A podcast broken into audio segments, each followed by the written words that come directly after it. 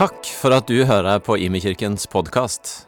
Er du interessert i en utdannelse innen ledelse og teologi? Gå gjerne inn på hlt.no slash stavanger og finn ut mer om heltids- eller deltidsstudier. Amen. Fint å tilbe sammen med dere. Fint å feire gudstjeneste sammen med dere. For du som måtte være ny eller ikke kjenner meg, heter Egil Elling, en del av pastorteamet her. Skal dele litt fra eh, Bibelen i kveld.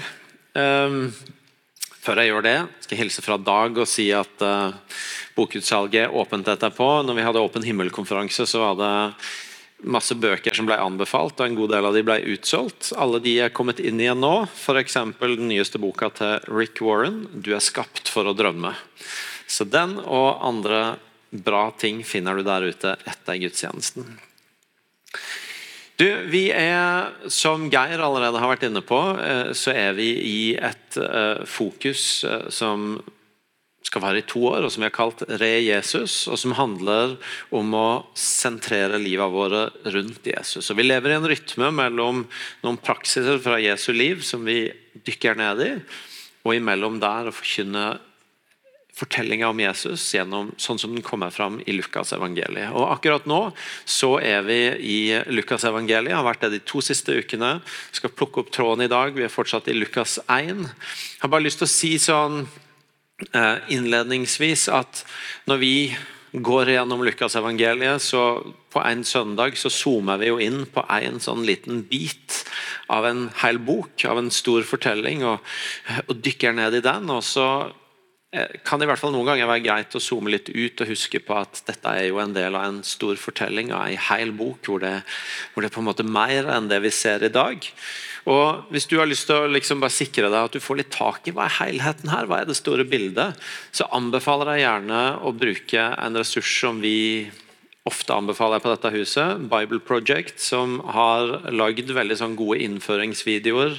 Blant annet, De har lagd mye annet òg, men de har blant annet lagd gode sånne innføringsvideoer på de ulike bøkene i Bibelen. Og En god del av de er også kommet på norsk, oversatt til norsk. Det har bl.a. dere og mange andre kristne menigheter og organisasjoner vært med på å gi inn til.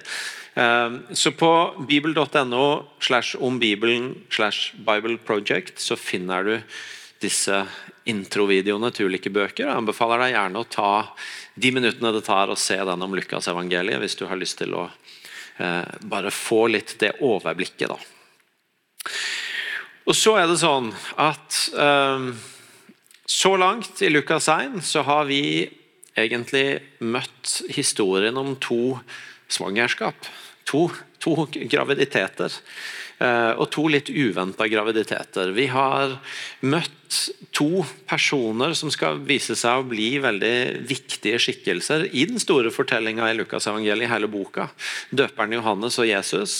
Og vi har møtt dem helt fra de er i mors mage, helt fra eh, svangerskapet starter hos mødrene.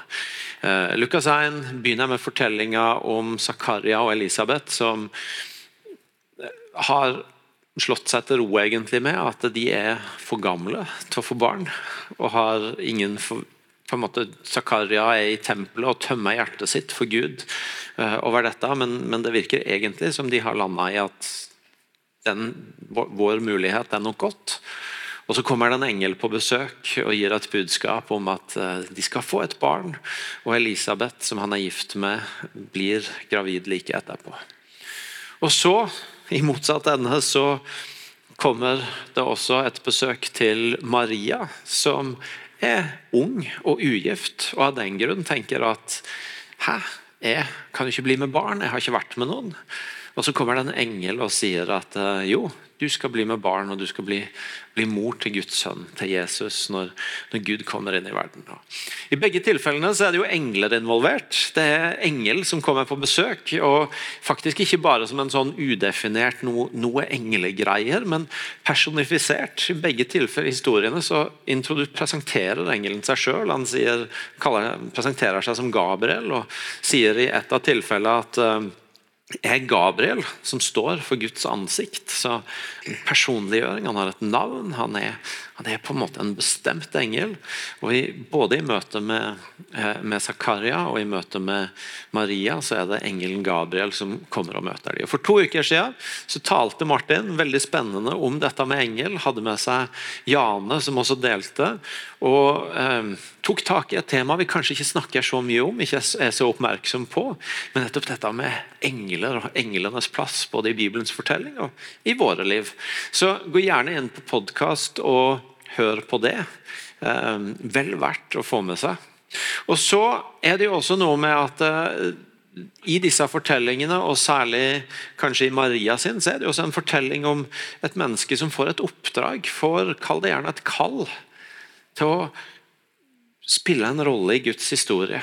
Og Sist søndag så talte Derek om det å forvalte et kall, om det å forstå et kall, det å gå med et kall. Og Det finner du også på podkast og kan gjerne anbefales. Og så er det sånn at I dag så møtes på mange måter disse to historiene, i hvert fall to personer fra de historiene. Når vi skal hoppe inn i teksten i Lukas 1 og fra vers 39. og Vi skal begynne med å ta med oss bare de første par versene der. Der står det Men da Elisabeth var i sjette måned, blei engelen Gabriel sendt fra Gud til en by i Galilea som het Nasaret. Til en jomfru som var lovet bort til Josef, og til en mann Nei, nå leser jeg helt feil. Sorry. Det var litt bekymringsverdig at det tok så lang tid før jeg oppdaga det sjøl. Sånn er det. Ehm, vi leser fra Lukas 1, vers 39. Noen dager senere dro Maria av sted og skyndte seg opp i fjellbygdene til den byen i Juda, hvor Zakaria bodde. Der gikk hun inn til Elisabeth og hilste på henne. Så det siste som har skjedd før dette, det er at engelen som snakka med Maria, har sagt um, i vers uh, eh, 36 Din slektning Elisabeth venter en sønn, hun også, på sine gamle dager.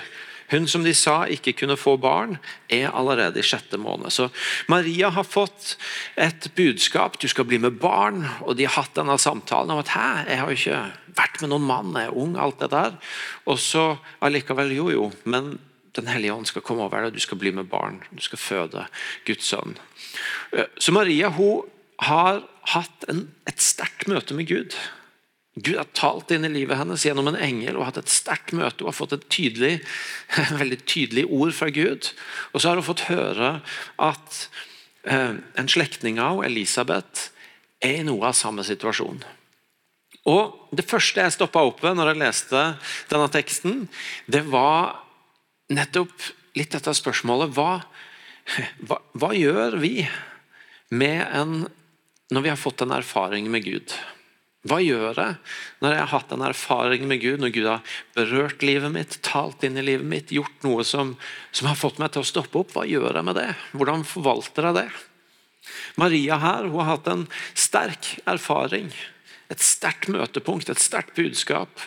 Og hennes respons er å legge ut på en tur som ikke er opplagt i hennes kultur på hennes tid. Ei ung, ugift kvinne som legger ut på en reise som antagelig er over 100 km lang, i ei tid hvor du ikke hiver deg på en buss eller et tog eller inn i en bil, og hvor det var egentlig ganske uhørt for ei ung kvinne på hennes alder å reise ut på en sånn tur på egen hånd. Men hun har hørt at Elisabeth også er med barn. At Gud også har gjort noe i Elisabeth sitt liv. og Hun bestemmer seg for å dra og møte Elisabeth. Og selvfølgelig, Teksten maler ikke ut eh, hvorfor Maria gjør dette. Men det går jo an å tenke seg at det handler noe om at Maria har opplevd noe som gjør at hun tenker jeg må oppsøke en annen som er i noe av samme situasjon. Som har opplevd noe av det samme. Jeg må finne noen å snakke med som kanskje kan forstå noe av det jeg opplever nå. Og Da er vi inne i det der med hva, hva gjør jeg og du når vi har hatt en erfaring med Gud, et møtepunkt med Gud? Hvordan forvalter vi det? Fordi det er jo sannsynligvis ikke meninga hvis Gud taler inn i livet vårt, hvis han berører oss på et eller annet vis, at, at tanken til Gud var at det bare skulle være et øyeblikk der og da. Antagelig så hadde han jo en tanke med å gjøre det som handla om at han Han ville noe med det. Han ville på et eller annet vis ta oss videre, ta oss inn i noe. Sikre at vi fikk tak i det. Og jeg tenker Marias respons det å oppsøke noen hun kan snakke med, som kanskje kan forstå henne, som kanskje kan relatere, som, som er i noe av samme prosessen. Jeg husker For noen år tilbake så satt jeg og snakka med en som satt og fortalte meg at han enda noen år tidligere hadde, eh, hadde vært ute og kjørt på natta, og så hadde han begynt å duppe av mens han kjørte. Og så hadde øynene hans gått opp idet han så inn i en fjellvegg hvor det sto skrevet 'Jesus lever'. Og så hadde han akkurat klart å svinge av så det gikk bra. Og Dette var en fyr som var ganske sånn tydelig på at han ikke var en Jesus-etterfølger. Han, han levde ikke jeg, har ikke, jeg er ikke noen posisjon til å si hva han, hva han, måtte ha tro og ikke tro sånn i bunnen av hjertet sitt, men hans egen utsagn var ganske tydelig på at han ikke levde i noen relasjon til dette i dag. Men han var likevel helt tydelig, samtidig helt tydelig på at jeg er sikker på at det var Jesus som redda meg. Jeg er sikker på at det var Jesus som vekka opp øynene mine og viste meg denne, eh, denne fjellveggen hvor det står 'Jesus lever', og fikk berga meg ut av ei ulykke. Det er ganske fascinerende. På den ene sida ei, sterk erfaring som han sjøl setter ord på. Jesus berga livet mitt. Og på den andre sida Men jeg lever ikke med noe forhold til det i dag. Og så er jeg helt sikker på at i dette rommet så finnes det massevis av erfaringer og historier med Gud. Og i hvert fall hvis vi ikke tar oss inn i, som vi av og til kan gjøre, og ta oss inn i noen sånne eh, litt sånn stereotype bilder av hvordan et erfaring med Gud ser ut, og så plasserer vi oss innafor eller utafor det at det må se sånn eller sånn ut. Men hvis vi, hvis vi vier ut bildet litt og sier at det å bli berørt av Gud, det å bli møtt av Gud, det å ha en erfaring. Det kan se ganske forskjellig ut. Men det er Gud som på et eller annet vis får oss til å stoppe opp, som gjør noe med oss. Vi, vi merker at 'oi, nå skjedde det noe'. Det kan skje i et møte som dette, det kan skje i det stille, det kan skje i en, et møte med et enkeltmenneske, det kan skje ute i naturen, det kan skje i Guds ord, det kan skje på så mange måter. Men å, nå skjer det noe. Jeg tror at I dette rommet så er det massevis av sånne erfaringer. Og så er det litt spennende å reflektere over hva har, hva har de erfaringene fått lov til å bety i livet mitt? Hvordan har jeg tatt vare på eller forvalta de erfaringene? Og jeg, jeg kommer ikke med dette budskapet for å, for å gi noen av dere sånn dårlig samvittighet på at du, du burde passe bedre på gudserfaringene dine, men, men, men for bare reflektere over at hvis det er sånn at Gud antageligvis ikke bare tenkte det for et øyeblikk. Um, hva, hva, har du gjort for å forvalte det, for å ta vare på det? Jeg vet selv at Vi, vi hadde Åpen himmelkonferanse her for et par uh, uker siden. Og, og, og, det var mange som ble berørt av Gud. og Selv så, så, så, opplevde jeg søndag kveld at det skjedde noe som hadde med mitt liv å gjøre. Og så, og så er det jo sånn at På mandag så fortsetter hverdagen. Og Det er masse som skjer. og det er en ny tale som skal holdes i dag, og en ny en om to uker igjen. og Det er selvfølgelig litt spesielt for meg, det er ikke alle av dere som driver på med de greiene, men dere har deres greier dere holder på med. Og så er det ganske lett for det om det i øyeblikket opplevdes som noe sterkt, og så ruller han videre. Og så tenker jeg når Jesus berører livet vårt, så ønsker han jo at det skal bety noe mer. Og noe av det som utfordrer meg i denne turen Maria tar opp til Elisabeth, denne turen som egentlig ikke var så opplagt at hun skulle ta, så er det noe med Oi, hun oppsøkte ei annen som hun kunne forvalte erfaringen sin med, som hun kunne snakke med, som, som, som hun kunne, ja, kunne ta denne erfaringen på alvor med. Og Jeg tenker for oss også, det å, det å oppsøke noen som vi vet at de kan, de kan ta imot, det har jeg opplevd. Jeg kan snakke med dem om det. De kan relatere til det. Det å velge å dele ut det han har opplevd med Gud, det opplever i hvert fall jeg ofte at det, det forplikter meg mer enn hvis jeg bare går med det på egen hånd. Jeg tenker at det er noe for oss med det der og med Hvordan tar jeg vare på erfaringene mine med Gud? Og så er jo ikke poenget å komme sammen for å bygge monumenter over det Gud en gang gjorde. Men det som skjer når de møtes, det er jo at de får en ny erfaring. Det står i, fra vers 41. Da Elisabeth hørte Marias hilsen, sparka barnet i magen hennes.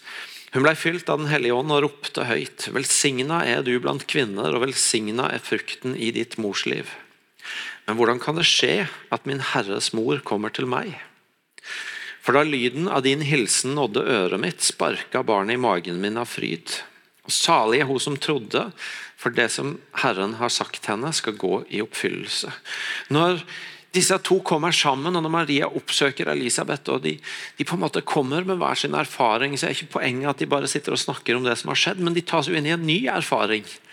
Den hellige ånd fyller Elisabeth, og det som i utgangspunktet er en litt sånn farlig for meg som mann å gå veldig langt inn i det der med når gravide damer møtes og hva som skjer når det sparker inn i magen og alt det der. Eh, men det er i hvert fall ikke opplagt for meg at fra at det er et spark inn i magen, så skal det bli til 'min Herres mor kommer til meg'. Men det er det som skjer. Den hellige ånd fyller Elisabeth, og noe nytt skjer. Og Det er jo noe av poenget, ikke å komme sammen for å bygge monumenter og være det Gud en gang har gjort, men å komme sammen og dele og forvalte de erfaringene, sånn at han tar oss videre i nye ting. Sånn at Han vil ha oss videre på reisen, videre i prosessen av det han gjør i livet vårt. Og Derfor så tenker jeg at det første jeg hadde lyst til å dele med dere i dag, det var rett og slett bare hvordan forvalter du, hvordan tar du vare på de erfaringene Gud har gitt deg, enten de måtte kjennes små eller store. Og Når dette har skjedd, når dette møtet har skjedd, og Elisabeth har blitt fylt av Den hellige ånd og talt, så, eh, så tar jo Maria til orde, og så kommer hennes lovsang. og Vi skal bare lese den. Min sjel opphøyer Herren, og min ånd fryder seg i Gud, min frelser.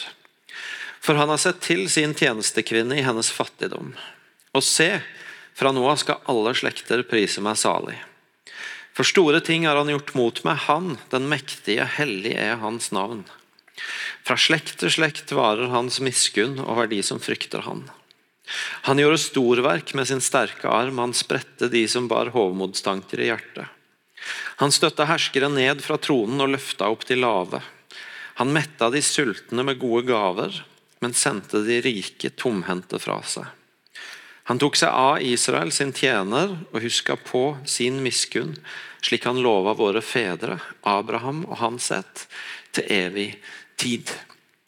I denne lovsangen til Maria, som er en sterk tekst som en kunne snakke mye om, så er det en bevegelse som eh, jeg merka meg ved når jeg har lest denne teksten denne uka. Og Det er den bevegelsen at, at Marias lovsang begynner i det personlige. Det begynner i at hun snakker om seg sjøl og det Gud har gjort i hennes liv. Hun snakker om eh, at, eh, at, han har sett til sin tjenestekvinne i hennes fattigdom. Og se, fra nå av skal alle slekter prise meg salig. For store ting har han gjort mot meg. Maria begynner i det nære personlige. Se hva Gud har gjort i mitt liv. Han har gjort mot meg. Wow! Og det er noe med det å eie erfaringen, eie det Gud har talt om, eie det han har gjort i livet. Og, og, på en måte Wow, dette er mitt. Dette er min og Guds historie. Men så stopper ikke Maria der, men hun går videre fra den, det fokuset på det Gud har gjort i hennes liv, til å vide ut horisonten og se men dette har jo en plass i en større sammenheng.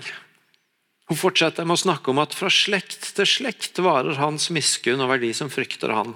Og I de neste versene så, så, knytter hun det Gud har gjort i hennes liv, til det Gud har holdt på med i en stor historie. Um, og hvordan de, det, det, som har skjedd i hennes liv, henger sammen med det. Med det som, det som hun kan peke tilbake helt til Abraham, og som også har en horisont framover. Og der er noe i det med å Ja, eie det Gud har gjort i ens eget liv, og samtidig ha et forhold til at men, men Gud jobber jo ikke bare individuelt. Men når han taler inn i livet vårt, når han gir et kall inn i livet vårt, når han gjør noe i livet vårt, så, så hører det hjemme i en større sammenheng. Det handler ikke bare om meg og Gud, men det handler om at når Gud gjør noe i livet mitt, så, så hører det til i en større historie. Og Derfor er det litt viktig når en opplever at Gud handler eller at Gud taler, at kanskje Gud setter en på sporet av noe, gir et kall, som Derek snakka om sist gang. At det ikke bare blir meg og Gud og min vandring med mitt kall, men at det også blir et spørsmål om hvordan hører dette hjemme i en større sammenheng? Hvordan hører det Gud taler om å gjøre i mitt liv nå hjemme i fellesskapet en del av? I Guds store historie? I et lengre perspektiv enn her og nå og med og Gud? Der er en menighet som har betydd mye både for denne kirka og i mitt liv, som heter Battle Church i USA. Denne uka så la de ut en, en sånn videoserie på tre videoer som de har kalt Legacy, arv hvor flere ledere i den kirka snakker om på en måte den arven som finnes i den kirka, og, og, og hvordan forvalte den videre. Og I den første av de samtalene så snakker jeg noen av de som har vært ledere der i flere tiår, og, og som på en måte er i en fase nå av å se hvem er det som skal løpe videre med dette. Så snakker de bl.a. om det perspektivet av hvordan ser det ut å så inn noe som skal få bety noe for noen jeg aldri skal møte. Hvordan ser det ut å tenke at, at, det jeg gjør nå, det jeg bidrar med nå, den, de tinga jeg bruker livet mitt på nå, skal få ha en effekt for noen som skal leve etter meg, og som jeg ikke engang kommer til å møte. Men som allikevel skal få høste noen frukter av det jeg sår inn og legger ned nå. Og Det er litt av et perspektiv når Maria og her sier i sin lovsang fra slekt til slekt varer hans miskunn, og tenker så langt. Og så vet jeg at vi er forskjellige. Jeg vet at Noen av oss som er naturlige, er sånn at typer er framtidsorientert og lett trigges av å tenke de lange linjene. og Noen andre av oss er mer nåtidsorientert og tenker oh, det var litt svimmelt å, å begynne å tenke i sånne lange baner. Men, men hovedpoenget er hvordan plasserer du deg sjøl og din historie med Gud, det han har talt om i ditt liv, det han har kalt deg ut til, det han har gjort i ditt liv, i en større sammenheng enn bare deg sjøl og Gud. Hvordan gir du det rom for å tenke at det er en plass i fellesskapet jeg er en del av? Det er en plass i en lengre historie. Det har noen lengre linjer. Det skal få bety noen for flere enn akkurat de som er tettest rundt meg nå. Fordi Gud har et mye større perspektiv, eller for å bruke et begrep som vi ofte snakker om her på huset, en større historie. Så er det en annen bevegelse òg i denne lovsangen som tok tak i meg når jeg jobba med teksten denne uka. Og Det er en bevegelse som, som handler om å snu om på høyt og lavt. Og Det begynner egentlig i møtet mellom Maria og Elisabeth. For på mange måter så kan du si at Maria er den unge, og Elisabeth er den eldre. Maria er den som nettopp har fått et barn i magen. Elisabeth er den som er seks måneder på vei. Maria er den som kommer på besøk, og Elisabeth er den som er vert. og I hvert fall i den kulturen så er alt det faktorer som på mange måter tilsier at det er Maria som kommer inn under Elisabeth. Plasserer seg under henne. Men når Den hellige ånd fyller Elisabeth, og barnet i Elisabeths mage sparker, så er noe av det Elisabeth taler ut. Men hvordan kan det skje at min Herres mor kommer til meg? Menneskelig talt så kunne en tenke at rangen om du vil, mellom Maria og Elisabeth var at Elisabeth var over Maria. Men når Den hellige ånd fyller Elisabeth, så sier hun men du bærer jo på min Herre.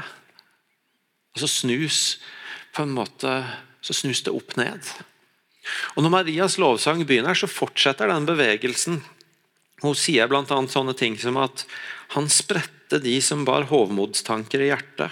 Han støtte herskere ned fra tronen og løfta opp de lave. Han metta de sultne med gode gaver, men sendte de rike tomhendte fra seg. Han støtte herskerne ned og løfta de lave opp. Han ga mat til de fattige og sendte de rike fra seg, tomhendte fra seg. Det er igjen en bevegelse av at ting snus på mellom det som menneskelig talt er høyt og lavt, opp og ned. Og det er en bevegelse i Guds rike. Og Når vi i disse to åra snakker om re Jesus og om hvordan Jesu liv kan prege våre liv, så, så er det en av de tingene vi kan la oss utfordre. Hvordan ser det ut for oss å være en del av en bevegelse som det rike Jesus kom med, brakte, som handler om at høyt og lavt snus på? At strukturer i vår verden som gir noen mer makt og mer innflytelse og mer posisjon enn andre, at, at, at det har en annen dynamikk i det riket han kom med. Hvordan ser det ut for oss å være en del av den bevegelsen?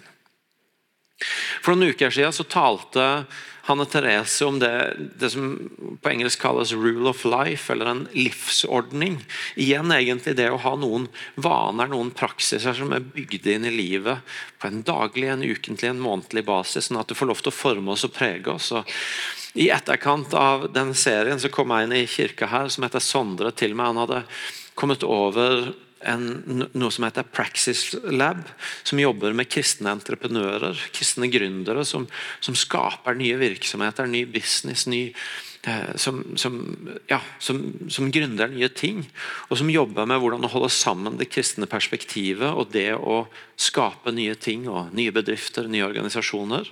Og Noe av det de har gjort, er også utarbeide en sånn rule of life, en livsordning for kristne entreprenører. og Der har de inne flere ting, som, som hvile, som vi har snakket om her, eller forvaltning av penger, hvordan en tar avgjørelser. Men de har også et eget punkt i den livsordninga som heter makt. Og Der skriver de noe jeg synes er interessant. Eh, de skriver, prøver å oversette det på direkten, at i stedet for å akkumulere eller bare legge til makt som eh, blir til vår egen fordel eller til utnyttelse av andre, så bruker vi makt til å skape muligheter for de som har mindre adgang til muligheter. Ved å jevnlig ofre egne muligheter, eller e, muligheter til på en måte egen eh, framgang, for å bevisst skape muligheter for andre synes jeg er et utrolig spennende perspektiv på det å leve som en Jesus-etterfølger, med den innflytelsen, den posisjonen, og kanskje er det ikke så vanlig for oss å snakke om det, men, men kall det gjerne den makta vi på ulike måter rår over. Hvordan ser det ut for meg å bevisst ikke bare bruke den til å fremme meg sjøl og mine egne muligheter, men til å bevisst ofre noen ganger mine muligheter for å gi noen andre som har mindre av det, mer mulighet? Bare begynn å tenke på Hvordan ser det ut? Hvordan ser den bevegelsen Maria snakker om her, ut i den virkeligheten jeg har? Noen av dere ansetter folk. Vi vet at vi lever i et land hvor det for en del mennesker er sånn at bare det at navnet deres kommer inn på søkerlista og avslører at de på et eller annet vis ikke bare har norsk bakgrunn, gjør at de stiller mye dårligere. Hvordan ser det ut å bruke din mulighet til å skape noen nye muligheter for de? Noen av dere er kanskje i organisasjoner hvor det er kjønnsskjevheter. Ulike muligheter for ulike kjønn. Hvordan ser det ut å bruke din innflytelse til å gjøre noe med det? Kanskje er du et sted hvor det er vanskelig å være ung. Det er de eldre som styrer. Hvordan ser det ut å gjøre noe med det. Eller kanskje er du i en plass hvor det er omvendt. At det er hvis du er ung det gjelder, men hvis du har runda 40 som meg, så kan du bare begynne å signere ut. Åssen ser det ut å gjøre noe med det? Så kan du fylle inn sjøl. Noen av oss er foreldre og har sikkert i oss at, at, vi har lyst til å skape muligheter for barna våre. Kanskje har barna våre noen venner som har mindre muligheter enn våre barn. Hvordan ser det ut å tenke på de òg, ikke bare på våre egne?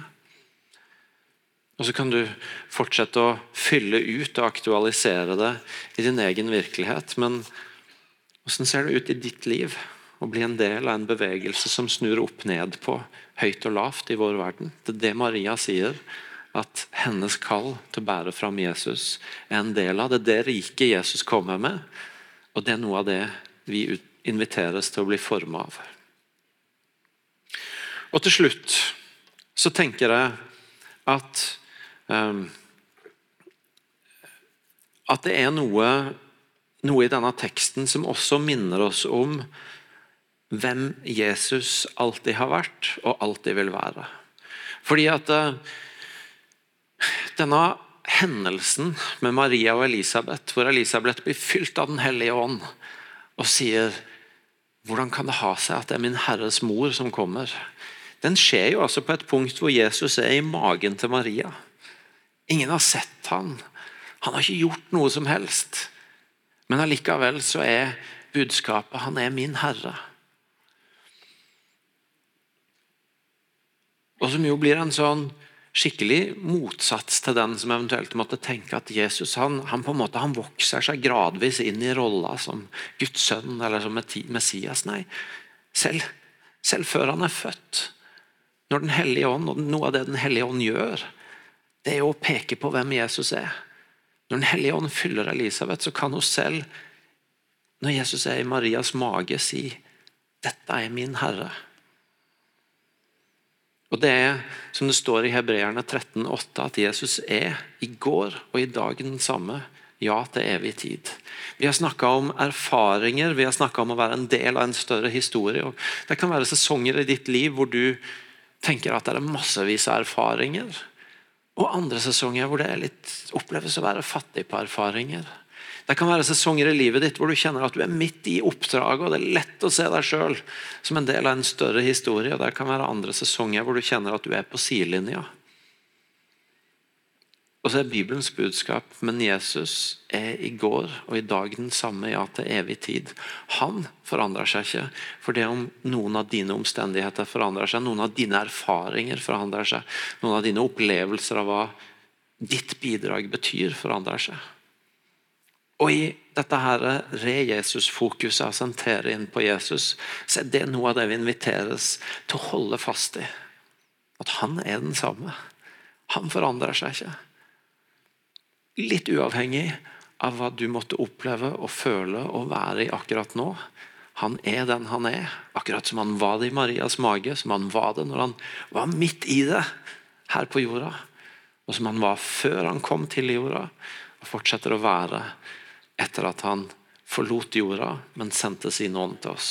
Han er i går og i dag den samme, ja til evig tid. Så, Vi vil jo gjerne at dette ikke bare skal være en tale du har hørt nå, men noe du jobber videre med. Hva betyr dette i mitt liv? Jeg har laget fire spørsmål til dere som dere kan ta med dere inn i huskirka, eller hjem rundt middagsbordet, eller ut på turen til refleksjon. Du må gjerne ta bilde av det hvis du vil. Fire spørsmål. Hvilke erfaringer har du å forvalte? Hva tenker du om din plass i den store historien? Hvordan kan du bruke dine muligheter til å skape muligheter for andre? Og Hva betyr det for deg å holde fast på at Jesus alltid er den samme? Og Nå har dette vært en sånn tale som ikke har liksom hatt ett skarpt fokus, men har kasta ut noen forskjellige perspektiver. Og Derfor er kanskje også invitasjonen å finne ut hvilke av disse spørsmålene treffer deg mest, og så bruk litt ekstra tid på det. Skal vi reise oss opp og be sammen?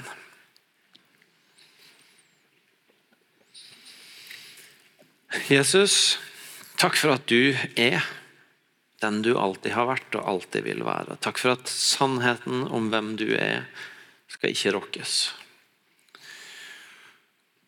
Og Nå takker vi deg for ordet ditt og for det du gir oss gjennom ordet ditt. Og jeg har lyst til å be deg for de her inne som på ulike måter berøres av historien om Maria og Elisabeth.